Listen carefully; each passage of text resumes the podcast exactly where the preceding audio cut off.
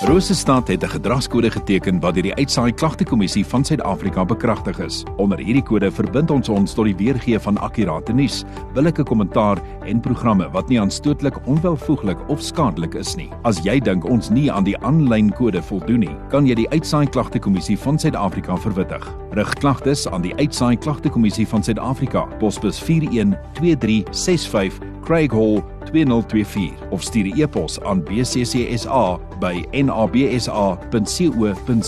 Vir verdere inligting, besoek www.bccsa.co.za.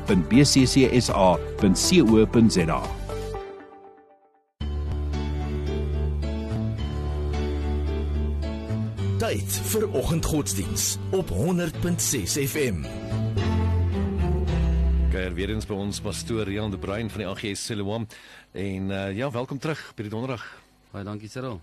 Ehm um, ons uh, ja, vertel maar vir die ouens wat dalk miskien nou nie in die week geluister het nie, waar is ons? Waar trek ons? Waar ja, beweeg ek, ons? Ek het begin in hierdie week met Habakuk en ek het die drie eerste hoofstukke gedoen waar ek gepraat het oor hoop in die donker nag. Vandag gaan ek aan oor my en jou storie tot en met Saterdag en dan Sondag eindig ek weer met hoe kan ons hoop bring so in die loop. En die ouens kan maar slank Habakuk oopmaak vir ons lees uit. Ons ons lees vandag nie uit Habakuk uit nie, maar wel uit ons praat oor 'n storie van Daniël. Okay. Ehm um, so hulle kan daar gerus oopmaak by Daniël 6.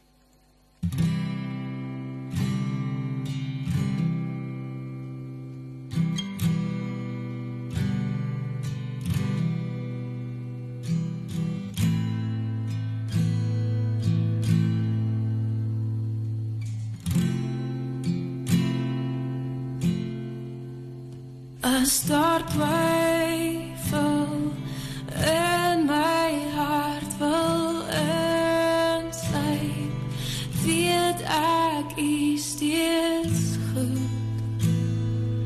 Wie u is, is goed. As die golwe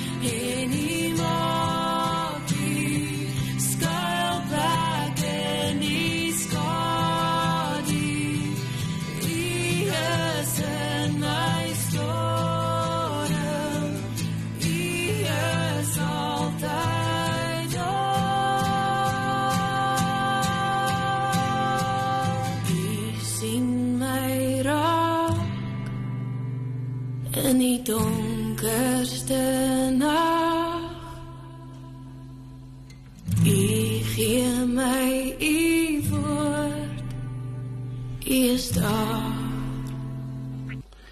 Ons as Suid-Afrikaners is baie lief vir vir 'n goeie storie.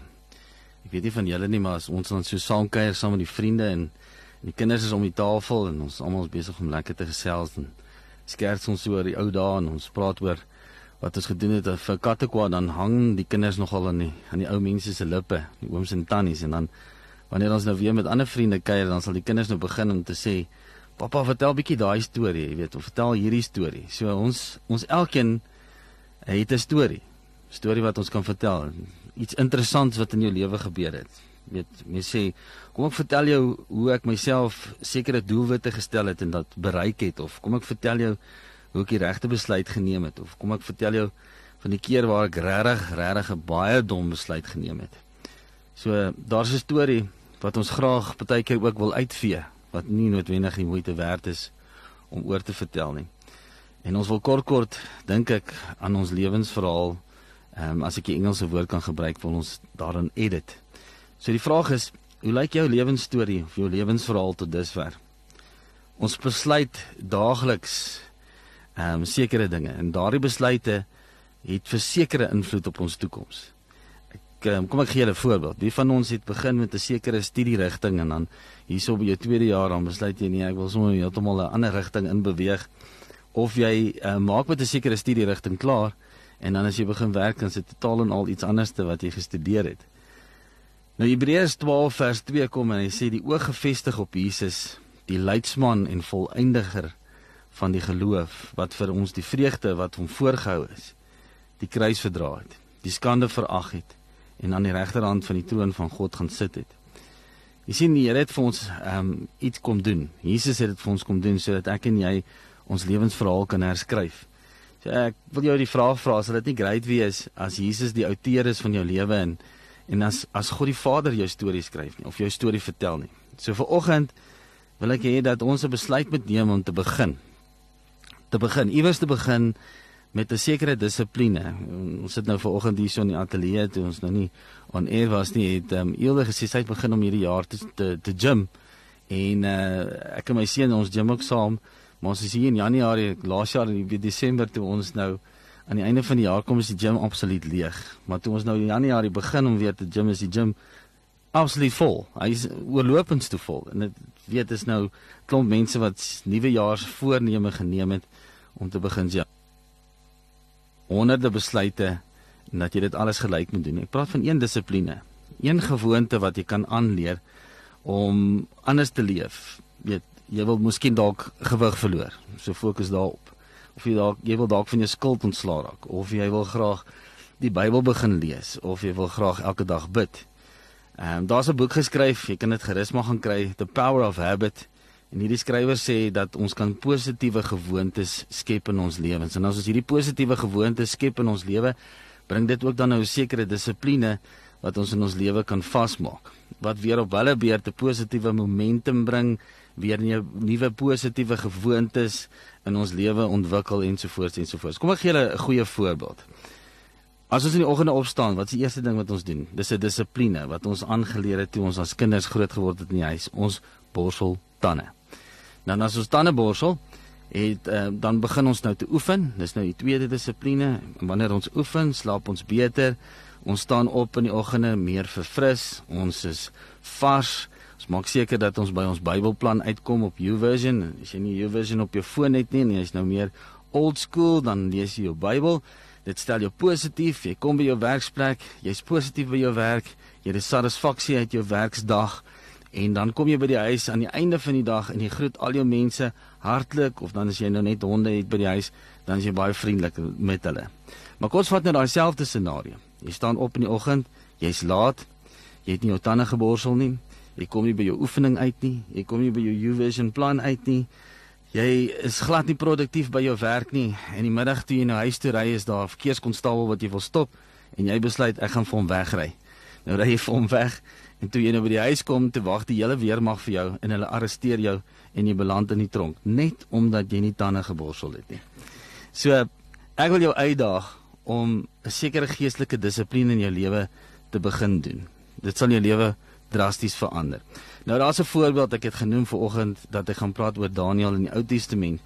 Die koning Darius kom um, en hy kies 120 groeweneers wat hy wil aanstel en drie manne stel hy aan wat hierdie groeweneers moet bestuur. Daniel is een van hierdie drie ouens. En die woord sê Daniel het uitgestaan onder hierdie manne want hy het integriteit gehad, hy het leierskap gehad. Maar egter was hierdie 120 mans en selfs die ander twee was baie jaloers op Daniel. Maar ek, ek wil vir jou gedeelte lees Daniel 6 vers 4.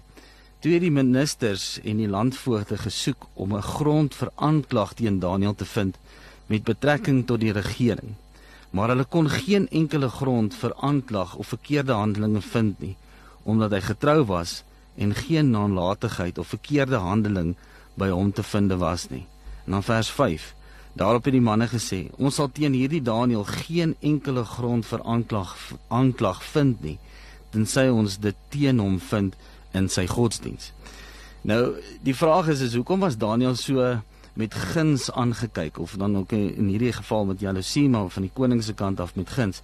Hoekom het hy integriteit gehad? Hoekom het hy geen nalatigheid in sy lewe gehad nie? Hoekom het hy reg gehandel? Hoekom was en ons ken ook die verhaal van hoe hy in die leeukuil beland het, maar hoekom het God hom daar beskerm? En daar was een dissipline wat hy aangeleer het. Lank voor hierdie tyd het hy dit aangeleer en kom in Daniël 6 vers 10. En en net toe Daniël verneem dat die bevelskrif geskrywe was, het hy in sy huis gegaan en hy het in sy bokamers vensters gehad en hy het dit oopgemaak wat in die rigting van Jerusalem was. En hy 3 maal op 'n dag op sy knieë geval en gebid en lofprysing en uitgespreek voor sy God, net soos hy tevore gedoen het. sien Daniël het 'n sekere gewoonte in sy lewe gehad, 'n dissipline, 'n geestelike dissipline. Hy het gebid Weerens die skrifgedeelte waarmee ek begin het Hebreërs 12 vers 2 die oog gefestig op Jesus. So ek wil jou uitdaag begin vandag.